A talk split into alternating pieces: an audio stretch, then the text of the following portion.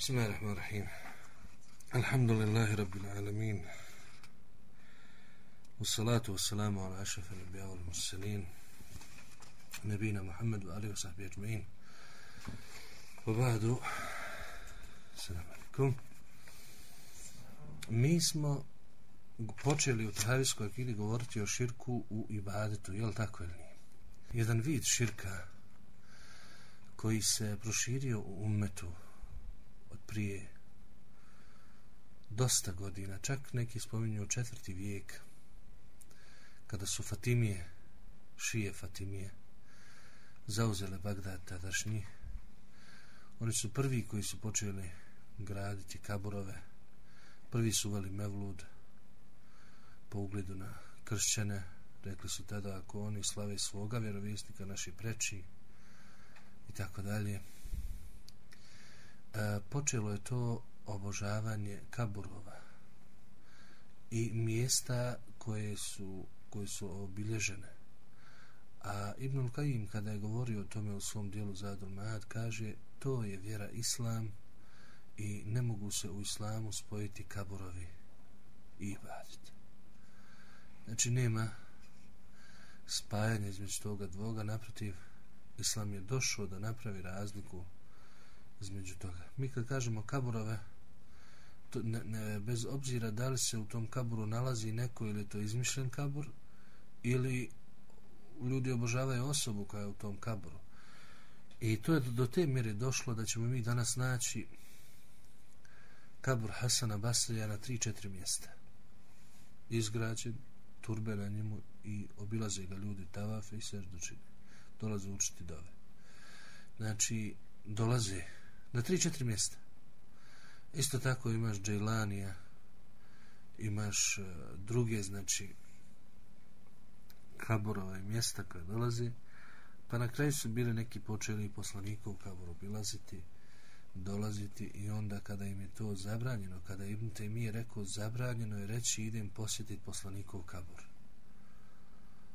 Onda su ustali na njega, rekli on je nevjernik, on ne voli, ne voli poslanika i tako dalje. I proglasili čovjeka nevjernikom, čak i u zatvoru bio. A zašto je on to rekao? On je to rekao na osnovu hadisa zabilježenog u Buhari u kojem je poslanik sallallahu alejhi ve sellem rekao e, na putovanje se ne kreće posebno znači zbog ibadeta da se obiđe neko mjesto osim tri džamije to je Kaaba, poslanikova džamija i Mešćid Aksa znači hadis je jasan osim u tri džamije A drugi hadis koji smo mi stalno čitali u Kitabu Tehidu i u drugim gdje sam se rekao Late Tehidu kabri iden Nemojte moj kabor uzimati za mjesto redovnog okupljanja gdje ćete dolaziti. Id je nešto što dolazi u intervalima. Zato praznici zovu se u arabskom jeziku Id. Bajram se zove Id. Zašto Id? Zato što se vraća u stalno određenim intervalima. Poslanik je to zabranio. Prema tome, on je, kad je to rekao na osnovu tih dokaza, jer i kad ideš na hač, kažeš, recimo, praksa ljudi kaže otiđi na kabur poslanika, poslanajmo ga, to je neispravna praksa, čak i na poslaniku kabur. Jer svaki kabur je kabur, a jedino se Allah obožava. To je spada kod ono što je Bubeka rekao kad je poslanik Selem preselio, ko je obožavao Muhammeda, Muhammed je umro. A ko je obožavao Allaha, pa Allah je živ i ne umire nikad. Znači, to je Bekr rekao tad, to vredi i sad. Znači, kaže se, idem obići poslanikovu džamiju. A između ostalog, znači, u poslanikovoj džamiji otići ću šta? Posjetiti kabur. Znači, nije niko rekao zabranjeno je posjetiti poslanikov kabur. Nego je šta zabranjeno? Maksu se opremiti, idem posjetiti poslanikov kabur. Do te mjere je došlo da sad, recimo, ljudi koji idu, koji nemaju znanja ili koji namjerno to ovaj, izvrću, malte ne ne spominju obilazak poslanikove džamije, Tu dođe nešto usput, oni idu obići šta poslanikov kabur, a to treba biti obrnuto. Idemo posjetiti poslanikovu džamiju i kad dođemo, normalno da ćemo obići šta poslanikov kabur, kabur Ebu Bekra i Omera radijallahu anhu. Ha? To sve bilo pogrešno, na primjer, kad bi ja sad došao na kabur i dosjetim neko uzbuđenje u srcu, se joj ovdje ukopan poslanik sa Ne moraš ti, možeš ti osjetiti uzbuđenje, nema to, pa i trebaš. osjetim. Ne smita. Trebaš osjetiti nešto posebno. Jer to je poslanikov kabor. Ja. Najvredniji kabor. Prvi kabor koji će se otvoriti na kijametskom danu. Znači to je poslanik sa sredlem. Ali maksus dolaziti na to, to ne. Da bi, se- da bi se smatralo da je to neki poseban ibadet. Kontate to. Nego se dolazi u džamiju, onda se obiđe kabor. Ne smita ni boraviti pored. Buhari je napisao knjigu e Tarihul Kebir, kaže da je napisao na mjesečni pored poslanikova kabora. A ima oko 5-6 tomova velikih. I odpočinje i kaže e, ne postoji ličnost koja se spominje u historiji, a da ja nemam neke vijesti o njoj. Samo se bojim da će knjiga biti preduga, pa ću skratiti, pa je počeo pričati od Adema, pa nadalje ga. Ukratko što je imao. I kaže da je napisao, znači, u tom dijelu koje, koji se zove Džennetska bašća, za koje sam sam rekao da je to mjesto između njegove kuće i Mimbera, jedna od Džennetskih bašći, tu je ovaj, sjedio u poslanikov kabur i na mjesečini pisao. Znači, nema to, ne, ne, niko ne govori o tome, znači, samo je stvar da se smatra i badetom i posebni nekakvim fadilatom i vrijednosti da se ide šta na poslanikog. Ako je to riječ sa poslanikovim kabrom, kako je tek onda sa kabrovima ostalih ljudi? Da nema nikakve sumnje da smatrate da je obilazak tih kabrova nekakav poseban ibadet, to ne. A trebate napraviti razliku između obilaska kaburova zbog ahiretske pouke. To nije zabranjeno, to je naređeno šerijetom. Ali ti ne ideš tamo da bi veličio taj kabor. Ili zato što je ukopan taj i taj tu, pa ti ideš, recimo, da, da, da njega moliš, da obilaziš oko njegovog kabora, dodiruješ njegovu zemlju, smatraš da je taj neko nešto posebno veliki i da ti moraš doći na taj kabor i tako dalje. Ne, ne, ti ideš tamo recimo na kabur zato što ti je tu majka pa da proučiš dovu recimo, ili tu ti je babo pa da proučiš dovu, ili, tu ti je, ili ideš jednostavno na kabur, na kaburove kao pojam, groblje, da ideš da uzmeš pouku, da se sjetiš ahireta i tako dalje. To je šta? Propisano i ibadet. I to nam je naređeno i treba što češće to da radimo. Ali mi time ne veličamo kaburove. Mi time sjećamo se ahireta i kajemo se za naše grije ali velika razlika kad ti odeš na kabur da bi veličao to koji je ukopan tu da bi ga molio za nekakve svoje potrebe u tom trenutku ti zaboraviš i na Allaha i na poslanika i na sve drugo je li to u redu? Hmm. Znači, raširio se to i od toga nije imuna ni Bosna. Recimo, na Evatovici, kabura Evas dede, koliko ja znam, obilazi se. Znači, u neku ruku maksuz. Nisam išao gore, vidio, neki mi kažu da ima neka i građevina kod džamica, neka mešćidić neki mali, ne znam to šta je, ne bi ulazio u to, ali ne treba mi puno dalje. Evo vam tu na Bjelmišću imate e, turbe kod je ljudi ubacuju. Ja sam čak otkrivena žena x puta naiđem, pogotovo kad sam u Radakovu stanovo, znači žena otkrivena ili djevojka skroz našminkana, ono baš upadno sređena, po znacima navoda, kako ide pravo i onda se vraća nazad, da ne bi okrenula ređa. To je vid veličanja koji je bez ikakve sumnje zabranjen i bez ikakve sumnje u domenu širka često i velikog. Razumijete to? i na drugim i na drugim nekim mjestima. Prema tome živi nemaju koristi od umrlog. Viš kako šetan obrne ljudima stvari. Onaj mrtvi treba da ima koristi od živog. Da moli za njega, uči dovu, daje sadaku recimo. Međutim, da obrne šetan stvari pa kaže mrtvi koristi tebi. A kako će ti koristiti? ako nema tijela, ne može ti fizički koristiti. Ono što ne čut. Duša gdje je, ti to ne znaš. Duše u Berzahu. Gdje je Berzah? To je gajb.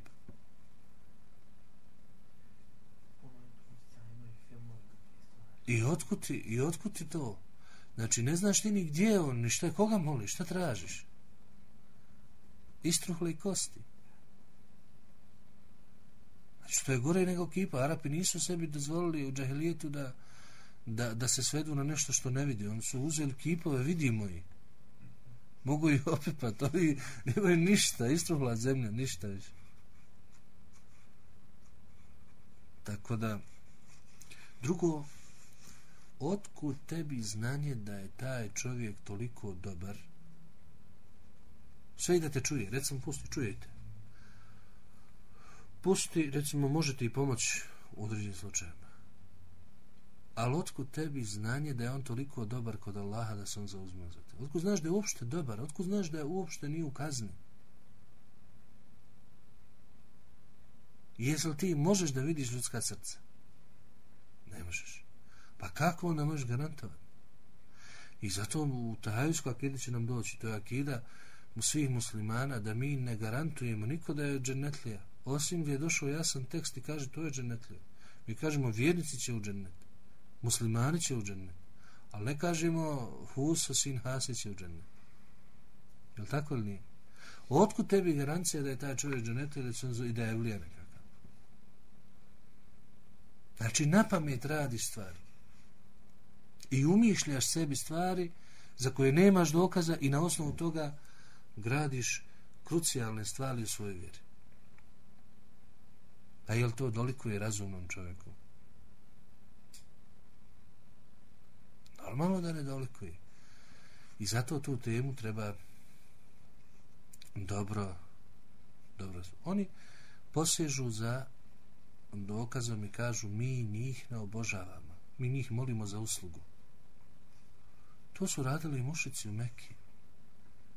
I Allah je prenio njihove riječi, ovjekovječio ih u Kur'anu, وَمَا نَعْبُدُهُمْ إِلَّا لِيُقَرِّبُونَ إِلَى اللَّهِ زُلْفَ Mi njih ne obožavamo osim što želimo od njih da nas približe Allahu.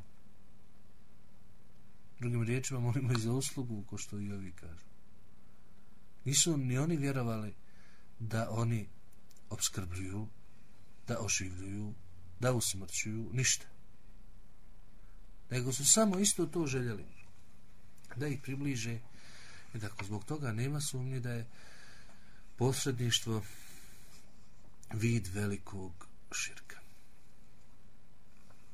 Mi ćemo, mi smo rekli da ćemo raditi uh, u vezi s ovom temom jednu knjigu od šeha Albanije koja je veoma bitna za ovu temu. On je nju podijelio u sedam poglavlja. Pa vi zapišite kako ćemo to poglavlje raditi. Prvo poglavlje je o hadisima koji zabranjuju i badite na kaborovima.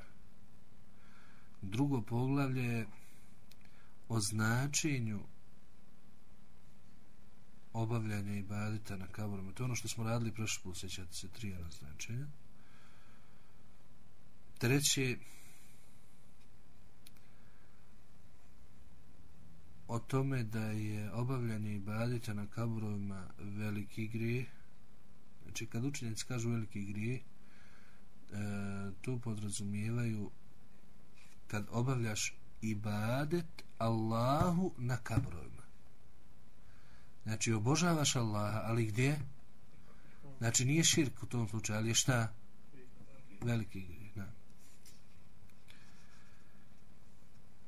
Četvrto poglavlje je najinteresantnije, a to su šubhe onih koji dozvoljavaju uklanjanje na kabrovima i odgovor na njih.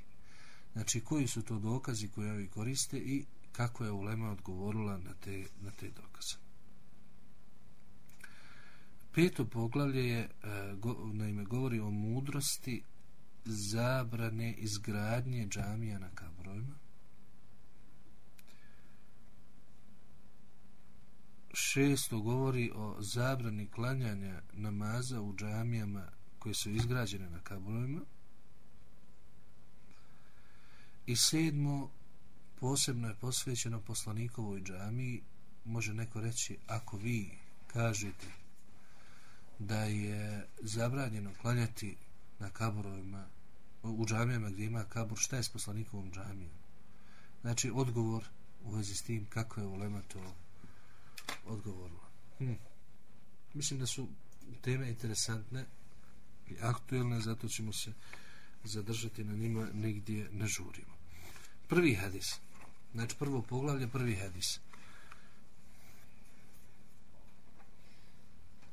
Od Aisha radijallahu anha preneseno je da je poslanik sallam rekao u bolest posle koje više nije ni ustao la'ana Allahu al-yahuda wan-nasara ittakhadhu qubur anbiya'ihim masajid neka Allah propune jevreje i kršćane zato što su uzeli kaburove svojih vjerovjesnika za bogomolje قالت فلولا ذاك أبرز قبره غير أنه خشي أن يتخذ مسجدا da nije toga njegov kabur bi bio vidno postavljen, znači ne bi ga zakopavali u kući, ali je postojala bojazan da bi ga ljudi mogli uzeti za mjesto i badeta, da su mešći ili bogomoli. I kažu učenjaci da u ovom hadisu Aisha radijallahu anha rekla je da je razlog ukopavanja poslanika u kući šta? Bojazan da će uzeti se. To je jedan razlog, ona kaže. Međutim, Ebu Bekar, kada je bila rasprava oko toga gdje će ga ukopati, navodi drugi razlog. A to je da je poslanik selam rekao da se vjerovjesnici ukopavaju na mjestu na kojem umru znači, Če on je umro tu, sklonjen je taj krevet na kojem je umro i tu je na tom mjestu i ukopan. Kontate to. Znači, as, ashabi prije toga nisu htjeli poslanika ukopavati znači van kuće zbog bojazni za mešćid, a isto tako to se je potrefilo šta sa o, poslanikovim hadisom.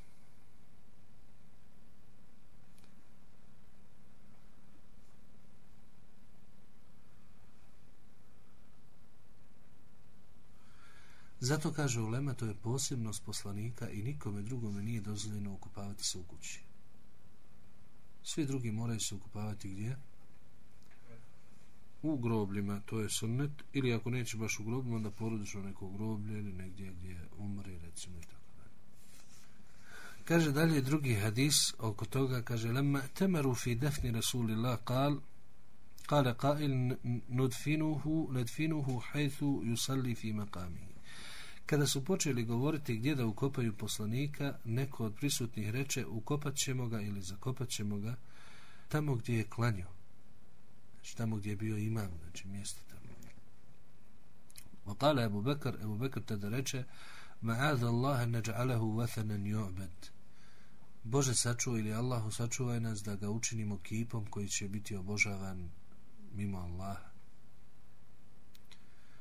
وقال الآخرون ندفنه ندفنه دفن يدفن ندفنه في البقيع حيث دفن إخوانه من المهاجرين drugi rekoše zakopat ćemo ga u Bakije Bakija je menijsko groblje tamo kod poslanikove džamije tamo gdje su ukopani, ukopani njegova braća muhađiri kale Abu Bakr inna nekrahu an jehruđa قبر رسول الله صلى الله عليه وسلم من البقيع فيعوذ به من الناس لله عليه حق وحق الله فوق حق رسول الله فإن أخرجناه ضيعنا حق الله وإن أخفرناه أخفرنا قبر رسول الله صلى الله عليه وسلم Ebu Bekr kaže mi ne, bi, ne bismo voljeli da poslanika ukopamo to groblje jer može biti određenih problema sa onima koji posjeduju to, Allahovo pravo je preče od prava poslanika sa srlam i tako dalje on govori. E, dalje pa su onda na kraju pitali Ebu Bekra fama tara ente ja Ebu Bekr? Šta ti smatraš da je najbolje uraditi? Kale se metu na kul. Čuo sam Allahov poslanika kad je rekao ma, kubid, ma kabad Allahu nebijan kat ila dufina hajthu kabada ruhahu. Nikada Allah nije usmrtio vjerovjesnika da ga nije zakopao baš tamo gdje mu je uzeo dušu. Potom su ga ukopali tu na postanje. Ovaj, ovaj hadis niste, niste ovaj, imali u Tahavi. Kaže ovdje da je Usama ibn Zaid e, rekao da je poslan selem u, u smrtnoj bolesti rekao edhilu alije ashabi uvedite mi ashabe فدخلوا عليه وهو متقنع ببردة معافري Ušli su, a on je prekrio lice burdom od Muafira. Muafir je jemensko jedno pleme i oni to proizvode i po njima je poznat. Fa kešef el kana, fa kal, لعن الله اليهود القناء ولعن الله اليهود والنصارى اتخذوا قبور انبياء مساجد pa im je onda rekao znači otkrio lice i rekao im je neka Allah prokune jevreje i kršćane što su uzeli kaburove svojih vjerovjesnika za bogomolje. Znači ovaj rivajet ovdje je veoma jasan da je poslanik sa Selem ciljao sa tim što je rekao vaša sahabe da ne slučajno ne urade tako nešto.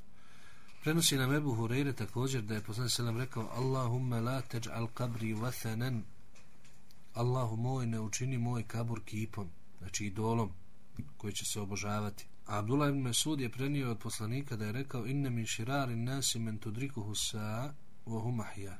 Najgori su ljudi oni koji će dočekati kijametski dan živi Wa man yattakhidhu al-qubur masajid. i oni koji uzimaju kaburove za džamije. Znači, koje su dvije naj, najgore vrste ljudi? Oni koji dočekaju kijametski dan živi i koji još oni koji kaburove uzimaju za bogomolje. To je prilike, znači ja sam skratio, navode ovdje 14 hadisa, ali većinu ste čuli ovo sve ti hadisi nesumljivo znači šta zabrana i to veoma, veoma stroga zabrana. Drugo poglavlje, šta znači uzimanje znači mešćida za kaburove koliko ima značenja ti znači, da se klanja na kaburu prema kaburu i da se izgradi nešto na kaburu znači to su ta ovaj, značenja. Znači nećemo se na njima zadržavati zato što smo ih prošli put radili. Što se tiče trećeg poglavlja to je da e, smatranje uleme da je to veliki grijeh. Znači, kad je, kad je klanjanje na kaburu, prema kaburu ili u džamiji, u kojoj postoji kabor veliki grije. Ako se klanja Allahu na takvim mjestima. A kad je veliki širk? Ako se klanja time onima koji su u kaboru. Dobro. Kaže nam ovdje šejih, sva četiri mezheba smatraju taj postupak haramom.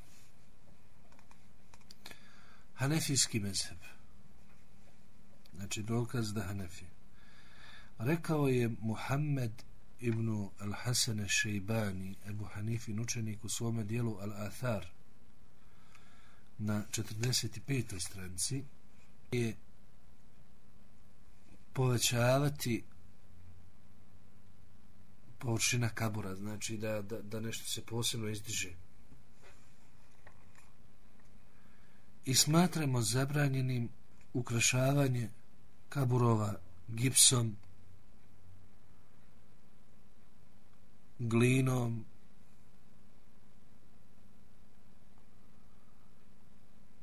i da se kod njega moli. Znači i bade čini.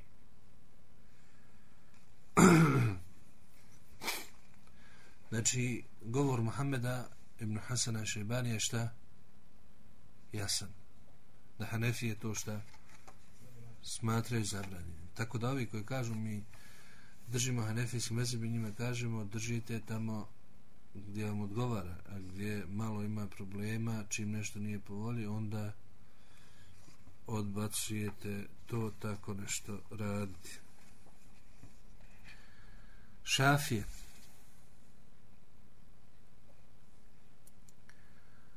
Ibn Hajar el-Hejtemi, znači nije Hejtemi. Ima tri Ibn Hajara, rekli smo, sjećate se hejtemi i Askalani. Ovdje hejtemi, znači, on ima dijelo Ezevađir, znači, veliki grijesi. Ima knjigu Veliki grijesi u dva toma štampa, ovako prilično velika knjiga. I kaže on na, u prvom tomu na 120. stranici 93. 4. 5. 6. 7. i 8. veliki grije. Tako on kaže. Znači, sastoji je nekoliko velikih grijeha u jednom.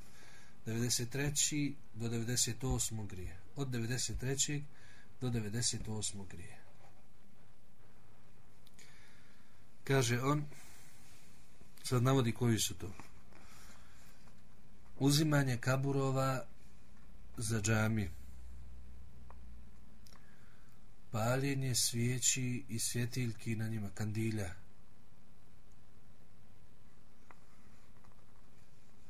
Uzimanje kaburova za kipove. Tavaf oko kaburova. Dodirivanje kaburova. Namaz prema kaburovima. Znači kad kaže on dodirivanje kaburova šta to znači? Znači da dođeš ono isto kao kod kabe ili crni kamen kad dodirnu. Znači da smatraš da je to zemlja beričetna pa da dodirneš tu zemlju i brišeš se njom znaš. Jeste skontali? A ovako ako ništa možeš dirniti kabur malo zemlju popraviti ostalo to nije to. Znači radi se da dirneš znači to sa vjerovanjem u beričet. Malikije. Kaže Kurtobi u tefsiru 10. džuz 38. strana. Kurtobi inače kojeg mezeva zato što je iz kojeg grada? Kurtube, Kordobe znači, a Kordoba je u Andalusu. Andalužani su bili šta? Malikije. Kaže on kažu naši učenjaci koji naši učenjaci? znači Malikijskog mezheba. ovaj hadis to je hadis koji je prijedodno naveo zabranjuje muslimanima uzimanje kaburova vjerovjesnika i uleme za mešćide Znači, govor kutubi je šta? Jasan. Hanbelije. Hanbelije također obavljanje ibadeta, konkretno namaza, prema kaboru, na kaboru ili u džamiju koji ima kabor, smatraju zabranjenim. Šta više, oni su najrigorozniji i smatraju takav namaz neispravnim ovi predvodni mezhebi, Hanefije, Malikije, Šafije, smatraju taj postupak zabranjenim, ali kažu namaz je ispravan, grijeh je uradio. Međutim, oni smatraju taj namaz šta? Neispravan potpuno. Kaže Ibnul Kajim u Zadul Mahad. U trećem domu na 22. stranici. Kada je govorio naime, u kontekstu govora o mešćidu diraru, znate šta je mešćidu Dirar? To je džamija koju su pred bitku na Tebuk izgradili monafici u Medini. Znači izgradili džamiju s ciljem da se oni tu sakupljaju i regrutuju svoje snage. I oni su pozvali poslanika prije odlaska u bitku na Tebuk, pozvali ga da klanja kao otvor te džamije nekako. On je rekao kad se vratim, ako Bog da sad se priprema. Međutim, kad se vraćao u suri Teube je objavljena, objavljen su ajeti o toj džamiji, o tom mešćinu pa se tamo navodio ledine tehadu mešćid dirara i tako dalje oni koji su uzeli mešćid mešćin dirar znači džamija koja je izgrađena zbog štete muslimanima nakon toga Alušanomu između ostalo kaže la tekum fihi ebeden nikada u toj džami nemoj klanjati i poslanik je naredio da se ona sruši znači Ibn Kajim je govorio o tom propisu pa između ostalog izvuko je sljedeći propis Pa kaže, iz toga razumijemo da treba srušiti mjesta na kojima se radi grije. To je obaveza na vladara muslimana. Kažu učenjaci, to što je Ibnul Kajim rekao vladara muslimana znači da oni koji nisu vladari ne smiju. Čak, kaže, ne, to je zabranjeno i zamjenicima vladara. Recimo, ako postoji vladar, postoji vladar. Postoji recimo zam, namjesnik, ko što je sad recimo predsjednik kantona ili nešto. Ne, ne smije ni taj predsjednik kantona ili, ili te, tog vilajeta u to se baktati, nego mora isključivo vrhovni vladar. Razumijete to? A kamo li sad da uđu neki obični ljudi da prave te ruše nešto ovako onako ostalo. Znači to nije u skladu sa šerijatskim propisima.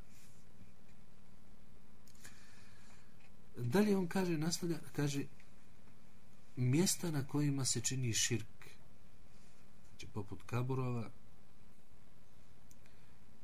čiji, čije sluge pozivaju u njihovo obožavanje mimo Allaha preči su da se ukloni sad napišite naslov šubhe i odgovor na njih to je najvažnije poglavlje to ćemo onda idući Ne možeš malo i duže. Mm. Raskaz među šubhe i